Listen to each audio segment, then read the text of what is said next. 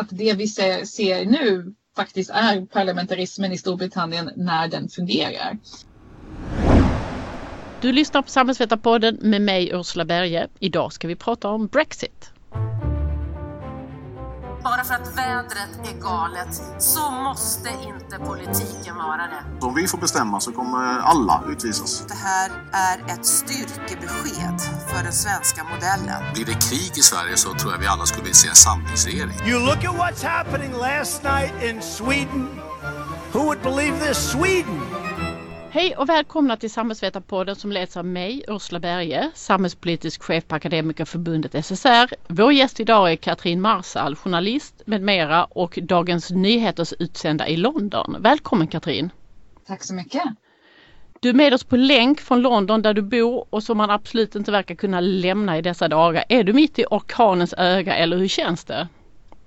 Jo, det känns, det känns ganska bra. Vi har ju blivit vana vid en viss nivå av politisk eh, kalabalik här det senaste året, eller egentligen de senaste två eh, åren. Och eh, jag sitter här, jag bor på landet mellan London och Cambridge, så jag sitter här ute och här är det något lugnare än inne i London. Okej, okay. jag tänker vi kommer komma in på mycket Brexit, men jag tänkte vi skulle börja med att backa tillbaka lite.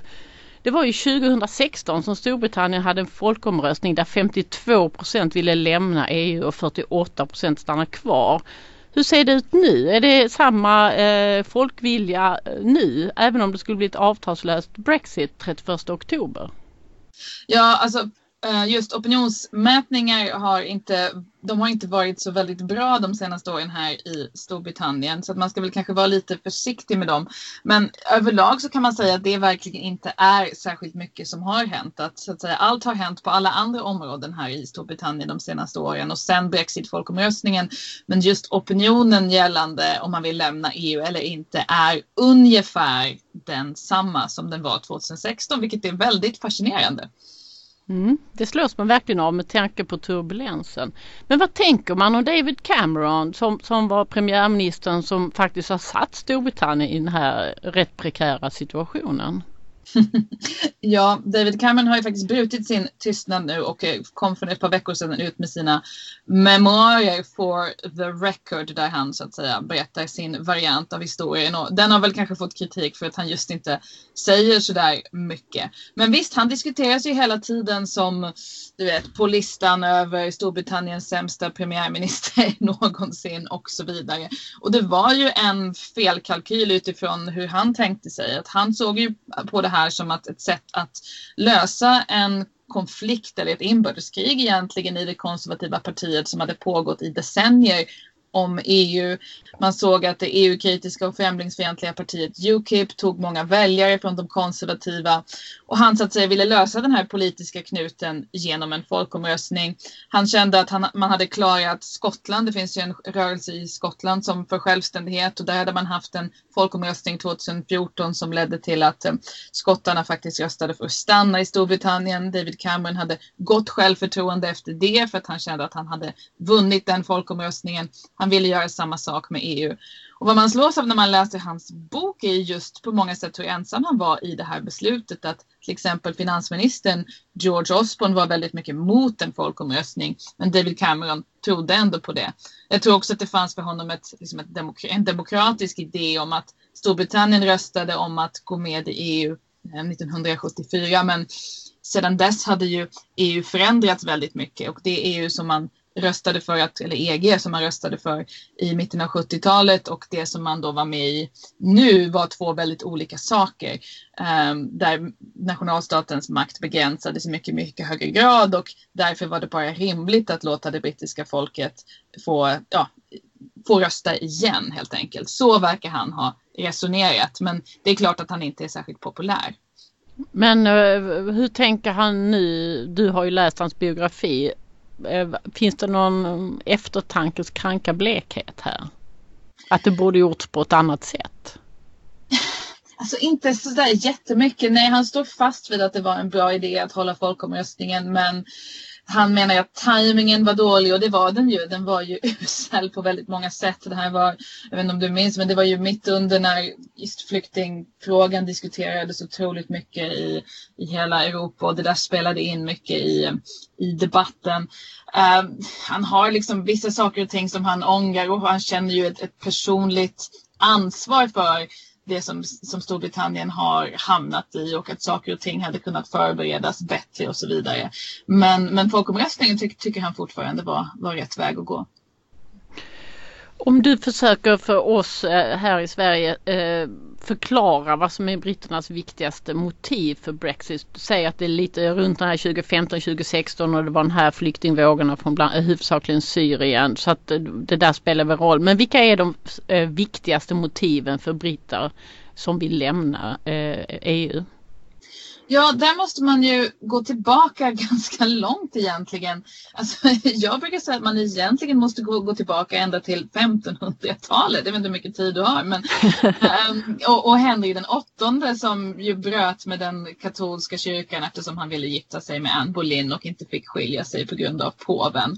Och hur det på något sätt var England som det var på den tidens uh, första Brexit på något sätt, att man, man då bröt med de kopplingar man hade till kontinenten via den katolska kyrkan och, och framförallt med den där berättelsen om sig själv som nation som en del i en större europeisk katolsk civilisation. Och istället fick man uppfinna ett, ett annat förflutet åt sig själv. Och det, då började man väldigt mycket trycka på det här att vi är en ö som blev väldigt viktigt. Liksom att England hade en annan historia skild från resten av Europa. Um, och det går tillbaka till 1500-talet, den självbilden. Och den, när man var ute som journalist i, i kampanjen 2016 folkomröstningskampanjen. Nu var jag personligen inte det så jättemycket för att jag precis fick barn. Men eh, ja, lite grann med en bebis i, i hasorna. Men det man märkte väldigt mycket var just att folk, folk fortfarande pratade väldigt mycket om det här. Vi är en ö, vi är något annat än resten av Europa. Vår identitet är en annan, vårt system är en annan. Vårt, de har ju något av en annan ekonomisk modell också, en, den anglosaxiska ekonomiska modellen och traditionen som skiljer sig från någon slags mer socialdemokratisk och kristdemokratisk i, i resten av Europa. Och den där, de där typen av identitetsfrågor spelar väldigt stor roll. Men sen mer konkret, då måste man skilja på att det å ena sidan finns en traditionell EU-kritik i Storbritannien som handlar, och den kommer ju från konservativt håll. Här tenderar det vara så att det är högern som är mer mot EU och vänstern som är mer för EU. Lite tvärtom från, från Sverige, även om förstås de bruna Sverigedemokraterna också då är, är, är EU-motståndare, men, eller EU-kritiska.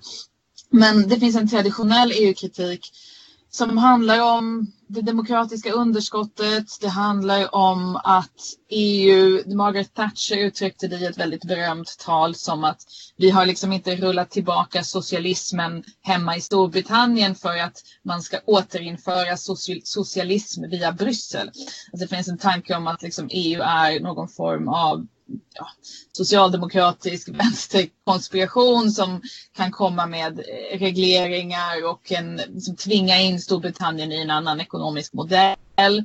Det gillar man inte. Och sen så bara, ja men det, det demokratiska, det brittiska parlamentets suveränitet är en viktig princip och, och så vidare. Så det är en gammal EU-kritik. Eh, men sen att folkomröstningen 2016 gick som den gick, det handlade mycket om att den gamla EU-kritiken som har funnits i decennier och kanske framförallt efter Maastrichtavtalet i början av 1990-talet parades med en stor debatt om invandringen. Och när man pratar om invandringsfrågan här så är det ju då inte så mycket flyktingfrågan det var ju den kontext som folkomröstningen han, eh, så att säga, ehm, folkomröstningen tog plats i. Men invandringsfrågan handlar först och främst om arbetskraftsinvandring från resten av EU. Där väldigt stora grupper från EUs Eh, nyare medlemsländer i Central och Östeuropa har sökt sig till Storbritannien för att jobba och detta har många varit kritiska till och menar att Storbritannien måste ha, en, ha makt att så att säga Eh, begränsa den invandringen från resten av EU. Och den frågan blev väldigt, väldigt exklusiv eh, 2016. Så, men eh, om man tänker på de här identitetsfrågorna så har ju Storbritannien varit en ö hela tiden. Eh, och, men eh, att det just hände 2016, eh, skulle du säga att det är mycket migrationsfrågor eller är det också intern EU? Är den här Margaret Thatcher-idén om EU som ett socialistiskt projekt, vad var det som var så avgörande precis 2016? 2016 var det mycket invandringsfrågan eh, och det var då arbetskraftsinvandringen från resten av EU. Det, fanns en, det var ju så man fick stora grupper som traditionellt inte röstar i, i brittiska val, alltså stora delar av den vita arbetarklassen i norra England att faktiskt gå och rösta. Det fanns liksom en, en stark opinion kring att Storbritannien, alltså eh, Brexit-kampanjens slogan var ju ta tillbaka kontrollen, take back control. Och det var ju mycket ta tillbaka kontrollen över gränsen, att man uppfattade att man inte hade kontroll över den som EU-medlem utan att vem som fick komma in och vem som inte fick komma in, det kunde det brittiska parlamentet och den brittiska regeringen inte göra något åt, utan det var på något sätt bestämdes på EU-nivå. Och det var man väldigt mycket mot. Eh, så ekonomer brukar ju säga att den här väldigt stora arbetskraftsinvandringen från centrala Östeuropa till Storbritannien liksom på en aggregerad nivå gynnade den brittiska ekonomin. Det är en väldigt stor eh, servicesektor här som behöver mycket arbetskraft. Men, eh, Mm. men sen så finns det en stor debatt eh, politiskt och har funnits i, i media också kring om det här har lett till ordning på arbetsmarknaden, press neråt för lönerna i många branscher och så vidare. Mm. Om du eh, skulle, vi har ju sett Theresa May resa fram och tillbaka till, till eh, EU-toppmöten många gånger med olika alternativ till ett Brexit-avtal och allt verkar ju då haverera och fortsatt så. Vilka är de största hindren för, för, eh, för ett vettigt eh, Brexit-avtal? Alltså det största hindret är väl egentligen nästan bara ett och det är hela Nordirland-frågan. Och det är väldigt intressant för den diskuterades nästan överhuvudtaget inte eh, inför folkomröstningen. Och den har blivit den, det absolut största hindret. Mm, och det är ju alltså hela freden mellan liksom Nordirland och eh, övriga Irland har ju handlat väldigt mycket om den där, just den här gränsen. Så man, varför glömde man bort det? Ja precis, Nordirlandfrågan är ju um, det har att göra med det som man här i Storbritannien kallar för the troubles, problemen som är en väldig underdrift för att beskriva Nordirland konflikten som från 60-talet och fram tills det blev fred på Nordirland 1998 eh, ja, orsakade över 3000 döda och en, en stor terrorkampanj som IRA eh, utförde här även i, i resten av, av Storbritannien och så förstås eh, stor brutalitet framför allt på Nordirland där man då hade protestantiska grupper som i hög grad som är för att Nordirland ska fortsätta vara en del av Storbritannien och republikanska, framförallt katolska grupper som vill att Nordirland ska bli en del av republiken Irland. Um, det, det blev fred 1998 och det är ett av världens mest framgångsrika fredsavtal faktiskt, eh, det så kallade långfredagsavtalet. Men det här fredsavtalet har ställt till extrema problem och begränsningar i för hur man kan förhandla ett Brexit-avtal. Och det har att göra med att förstås eftersom Nordirland är en del av Storbritannien och Storbritannien ska lämna EU då blir gränsen mellan Nordirland och republiken Irland en yttre EU-gräns. Och då kommer varor att behöva kontrolleras på något sätt över den här gränsen. Och det här är ohyggligt politiskt kontroversiellt för att senast man hade kontroller vid den här gränsen då, ja, då, då sprängde folk dem i luften för att uttrycka det krasst. Um, och det här det är liksom politiskt väldigt, väldigt känsligt uh, på Nordirland. Och det finns också väldigt stora ekonomiska konsekvenser av det här för att en av de stora anledningarna till att freden på Nordirland har blivit så framgångsrik och faktiskt hållit i sig så länge har ju att göra med att Nordirland har gått bra ekonomiskt och mycket av det har att göra med varor och tjänsteflöde över den här gränsen mot Irland. Och så på något sätt var man tvungen, är man tvungen att lösa den här gränsfrågan. Hur ska saker och ting kontrolleras? Och om de inte ska behöva kontrolleras, ja då måste Storbritannien som helhet, eftersom Nordirland är en del av det, knyta sig mycket närmare till hur EU reglerar saker och ting. Det är det enda sättet att undvika kontroller. Och det vill ju inte de här brexitörerna för att hela poängen med att genomföra brexit var ju att det verkligen skulle bli en ordentlig skilsmässa.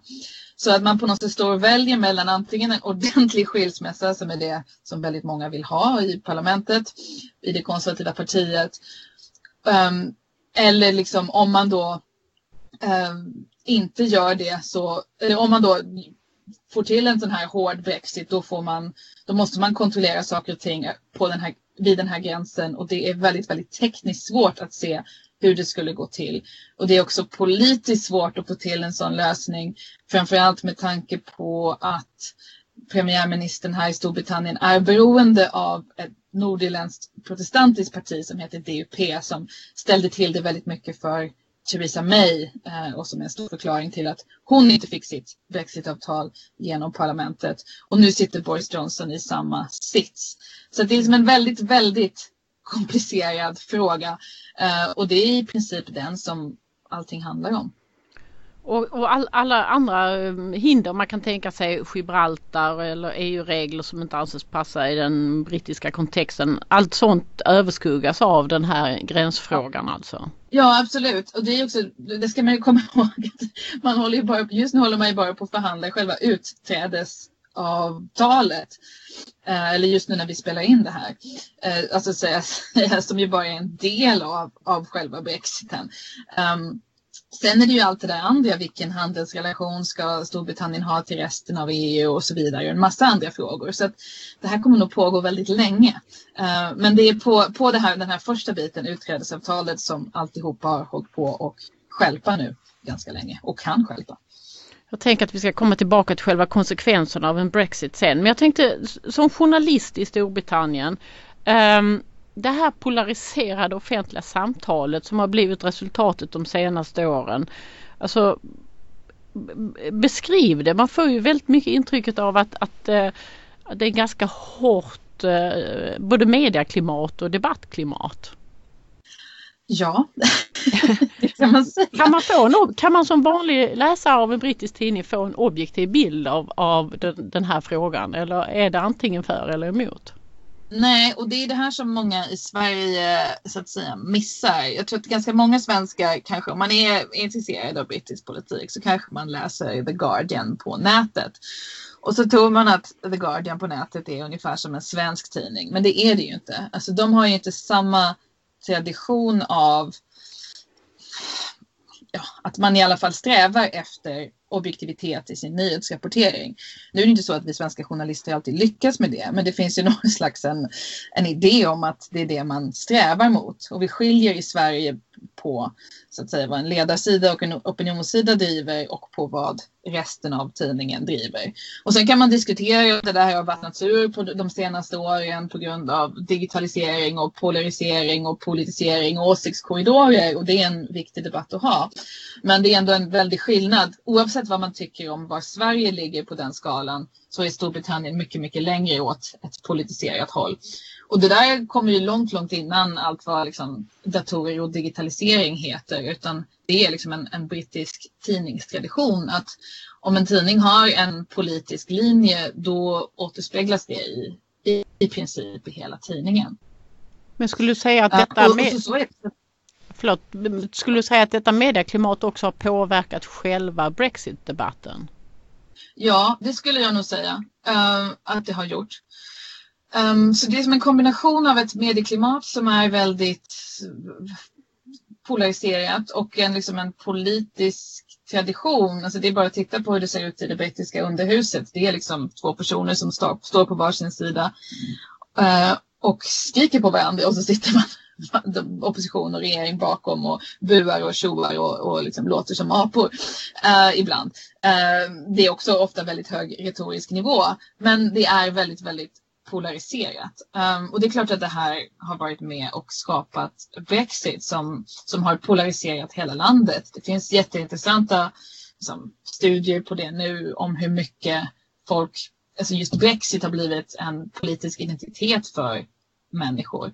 Att det, det, det är viktigare hur man ställer sig till Brexit för ens egen identitet än vilket parti man röstar på till exempel. Och den, det skiftet har skett ganska snabbt.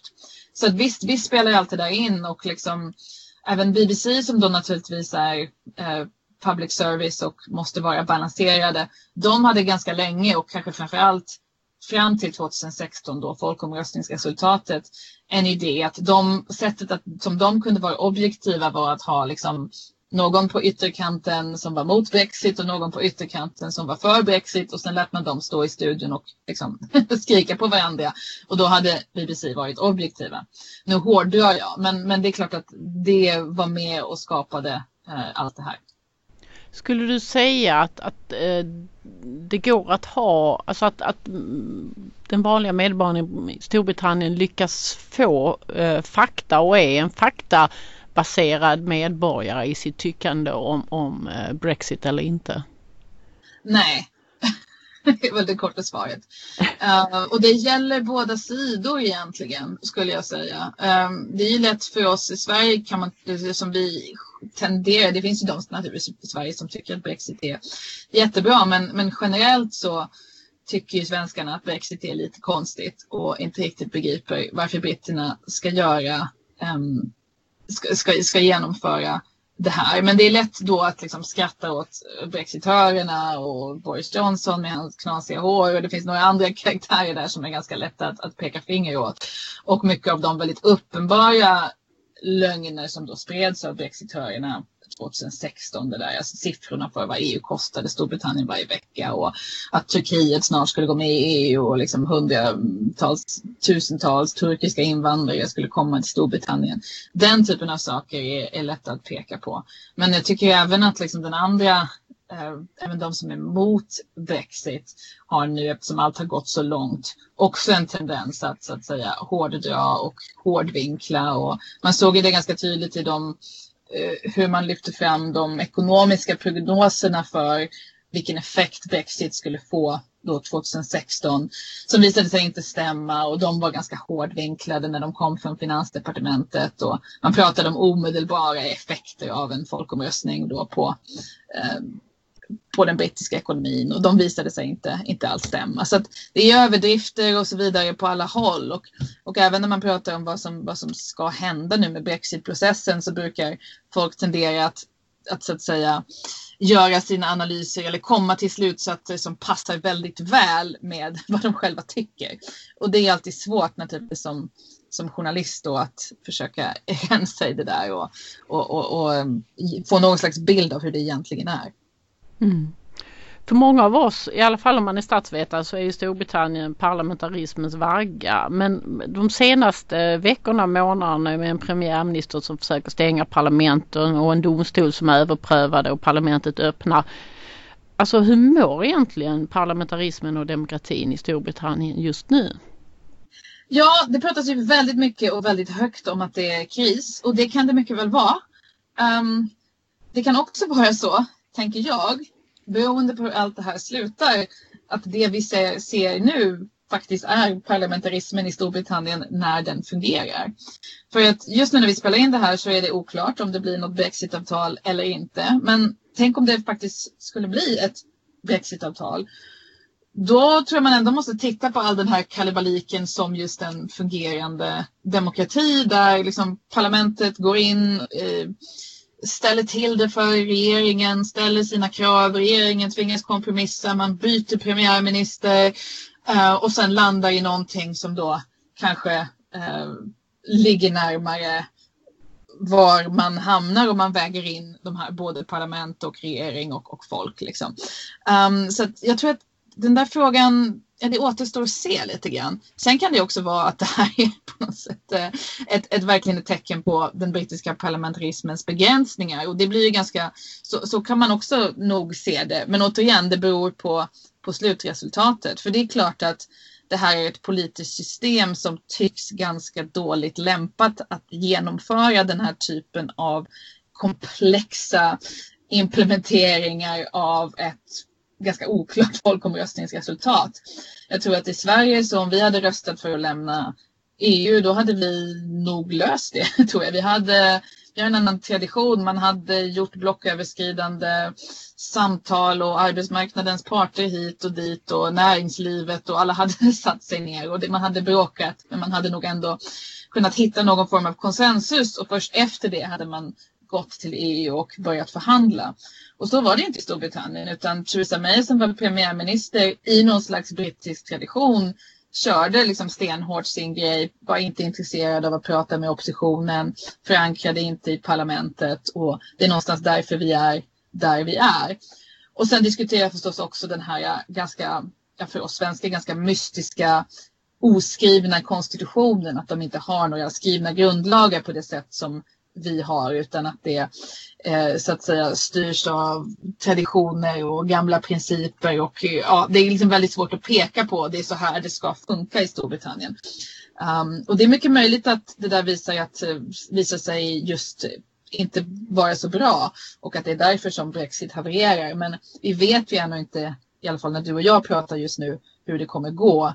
Och då tror jag att det är svårt att, eh, att säga något egentligen. Mm. Nej, för man kan ju se det på olika sätt precis som du beskriver. Alltså det, det har väl aldrig pratat så mycket politik i Storbritannien som det har gjort det senaste året skulle jag gissa. Och mycket Nej. av politikens och demokratins kris kan ju också vara en likgiltighet och det har ni, ni inte så mycket av känns det som. Nej precis, precis, verkligen.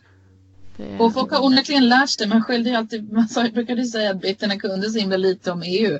Nu har brittiska folket ganska bra koll på EU och hur det fungerar. I alla fall bättre. Men eh, eh, vad skulle du säga, finns det något bra alternativ kvar för Storbritannien och EU i Brexitfrågan? Alltså om man ser lite olika scenarier att eh, Brexit skjuts upp i strid med folkomröstningen, det vill säga inte 31 oktober. Eller att Storbritannien kraschar ut ur EU om någon vecka. Eller att Storbritannien kraschar ut ur EU efter ett nyval. Alltså det, det känns ju inte som några klockrena alternativ något av det. Ja, men då eller att man får igenom ett brexitavtal och kan lämna under relativt ordnade former i slutet av oktober. Det skulle jag väl säga utifrån ett svenskt perspektiv kanske är det, är det bästa perspektivet. Vi är ju beroende av, av Storbritannien ekonomiskt och, och också liksom vill väl kanske inte ta ta jättestora risker med den, ekonomisk, med den europeiska ekonomin, vilket en så att säga oordnad Brexit skulle ha. Samtidigt så är det svårt att se att det ligger i Sveriges intresse att liksom Brexit skjuts upp ytterligare och att den här diskussionen bara fortsätter. För det gör ju att andra frågor som kanske ur vårt svenska perspektiv är viktiga att driva i EU ja, eh, får mindre utrymme. Så att jag tror att det är klart att ett ordnat utträde och sen kan man gå vidare och börja förhandla exakt vilken handelsrelation man ska ha och så vidare. Eh, är, är nog det bästa möjliga alternativet tror jag. Om det inte blir Brexit 31 oktober, eh, hur kommer Boris Johnson att hantera det? Ja, det är den stora, stora frågan eh, på många sätt just nu. Han, det är ju väldigt förvirrande. Han har ju sagt att liksom, han hellre, vad sa han, ligger död i ett dike än inte lämnar EU den 31 oktober.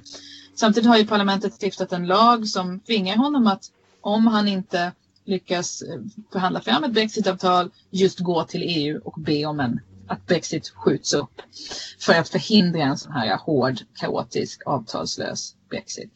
Eh, men Boris Johnson har liksom antytt att han i så fall inte tänker följa den lagen eller att han ändå på något sätt ska lämna i slutet av oktober. Det är väldigt, väldigt oklart. Det har pratats mycket, liksom, det har läckt till journalister att, att liksom, eh, regeringen har hittat något sätt runt den här lagen men samtidigt juridiska experter man pratar med säger att um, att det inte går. Så att jag vet inte. Uh, däremot så är Boris Johnson väldigt fokuserad på en enda sak och det är ett nyval. Och det har ju varit hans så att säga, grundstrategi som han inte har lyckats med fullt ut. Men han menar att den här, eller han ser ju det som alla andra ser, att det finns ingen majoritet i parlamentet för vare sig bu eller bä eller Brexit hit eller Brexit dit. Och det måste bli ett nyval och ett, ett nytt parlament. Och han, väldigt mycket han gör ska ses utifrån så att säga, valstrategi eh, och ett, hur han då ska kunna, kunna vinna en, en majoritet. Och det, då handlar det inte bara om Brexit utan också vad han så att säga eh, säger i andra frågor som är viktiga för folk här. Sjukvården och ekonomin och så vidare. Är han, han förbereder sig för ett nyval någon gång i höst. Och ett nyval, då, då tänker sig Boris Johnson att eh, en massa eh, väljare som har gått från Tories till Brexitpartiet skulle kunna komma tillbaka. Exakt. Är det ett sannolikt scenario? Det ser ut som det finns den typen av rörelser men jag har ju eh, skrivit så många dumma saker de senaste åren som har byggt på brittiska opinionsundersökningar som sedan inte har visat sig stämma. Så att jag är väldigt försiktig med att säga varken det ena eller det andra baserat på undersökningar här. Men, eh, men det ser ut som det kan ligga någonting i det. Sen räcker ju inte det vad jag förstår fullt ut utan han måste ju vinna lite på mitten också. Uh, men ja, i hög grad så handlar hans valstrategi om att uh, tillintetgöra Brexitpartiet. Men uh, ett parti som inte riktigt lika skadskjutet som Tories av allt det här är Labour. Vad har de att vinna på ett nyval? Ja, möjligheten att ta makten. det, så är det väl.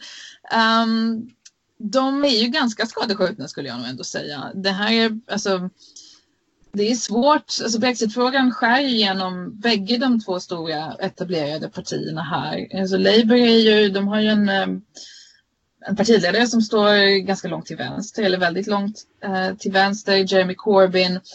Han är ju personligen, sägs det, för Brexit, en av de väldigt få här i, på, i vänstern som är mot EU av ungefär samma skäl som Jonas Sjöstedt är emot EU. Uh, däremot så leder han ett parti som har en tradition av som säger att liksom är man sosse så är man för EU.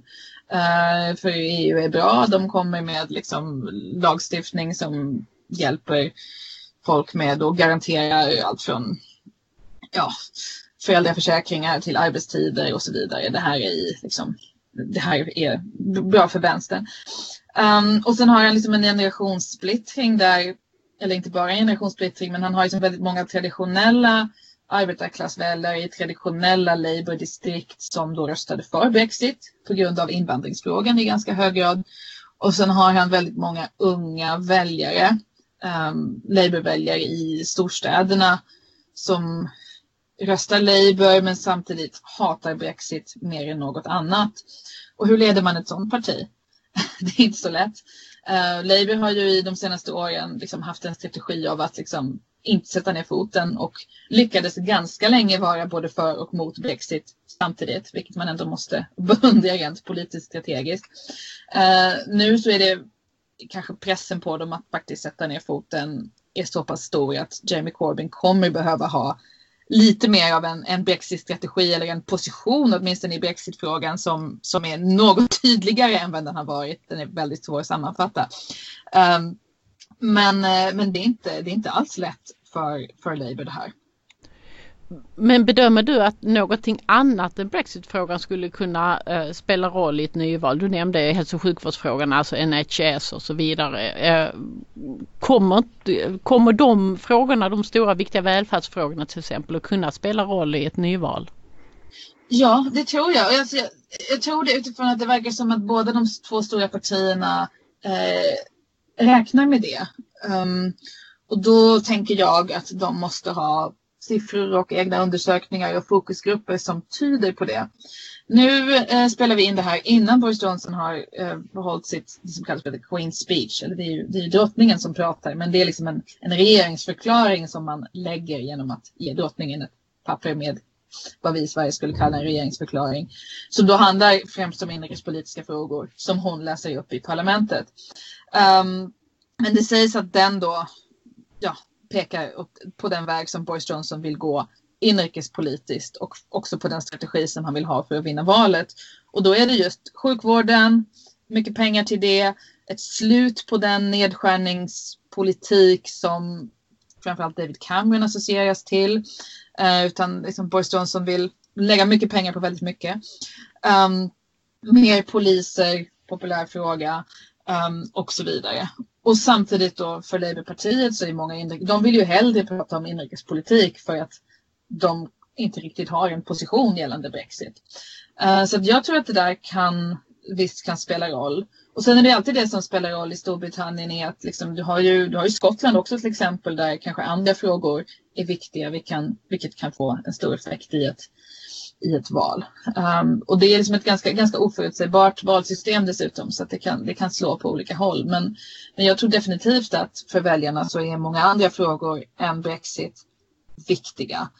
Uh, och att det finns en väldigt trötthet verkar Boris Johnson räkna med i alla fall på Brexit och alla turerna och parlamentet hit och parlamentet dit och högsta domstolen hit och komplicerade utläggningar om nordirländska gränsen och tullunionen och bla bla bla.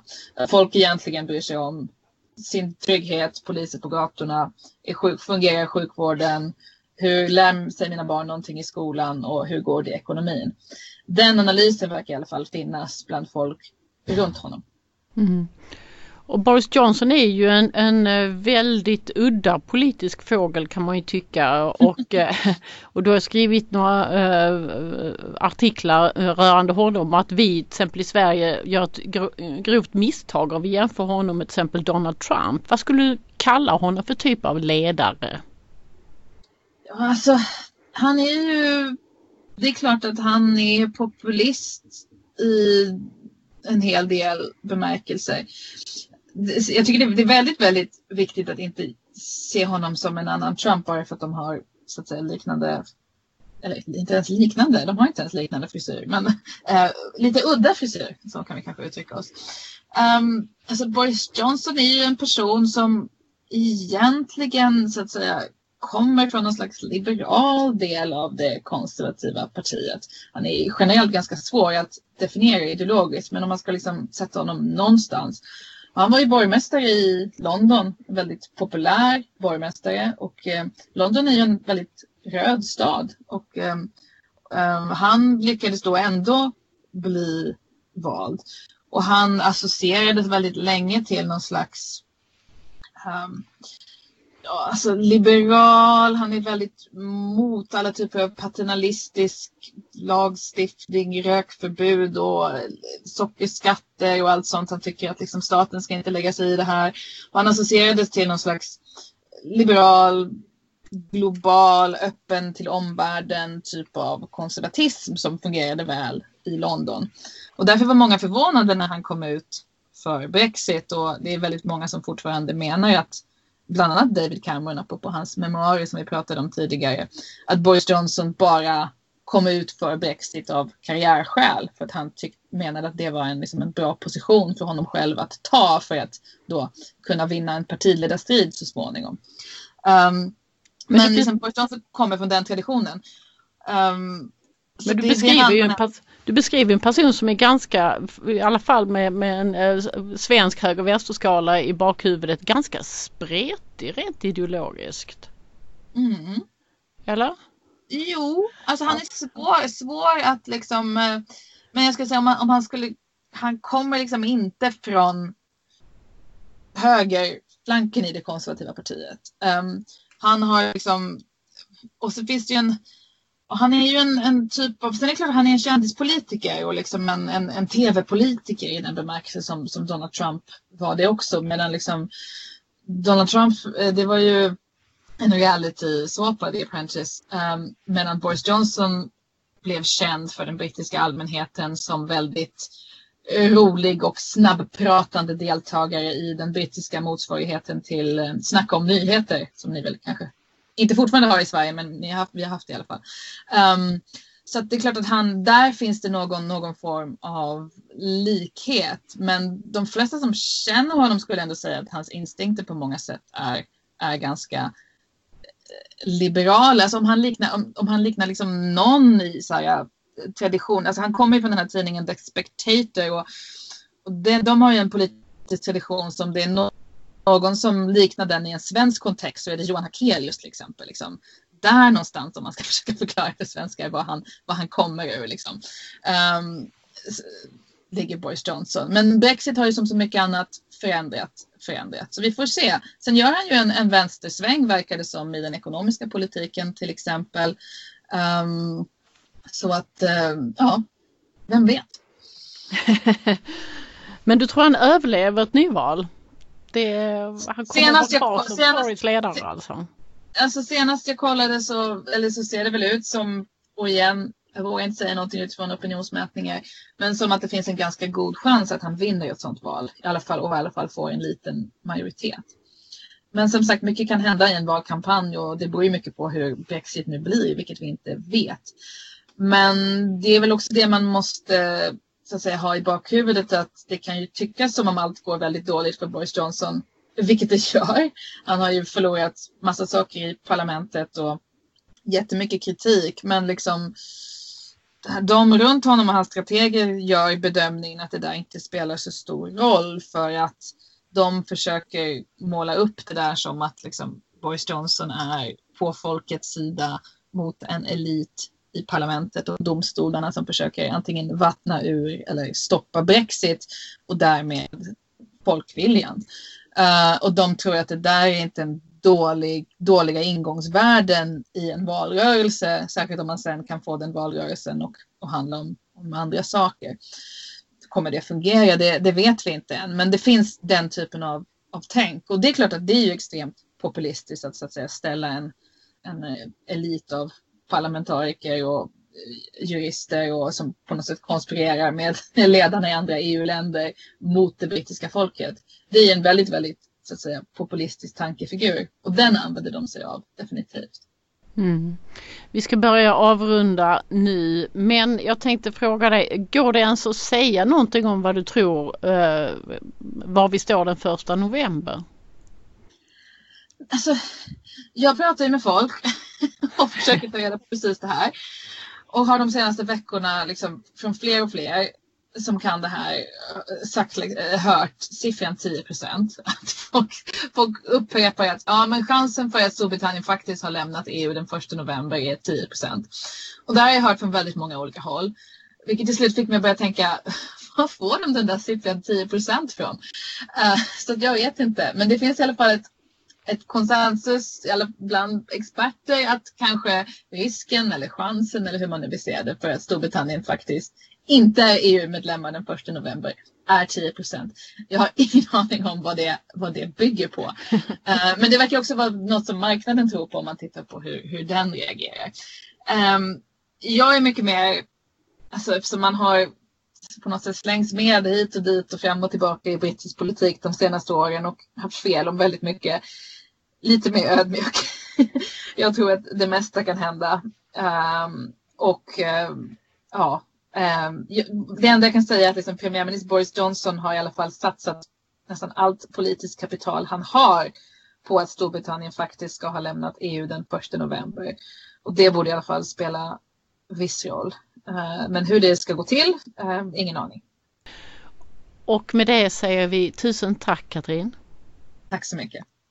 Det var allt för Samhällsvetarpodden den här veckan. Samhällsvetarpodden görs varannan vecka och fångar upp stora samhällspolitiska frågor, helst med facklig twist. Samhällsvetarpodden görs av Akademikerförbundet SSR, Sveriges ledande samhällsvetarförbund.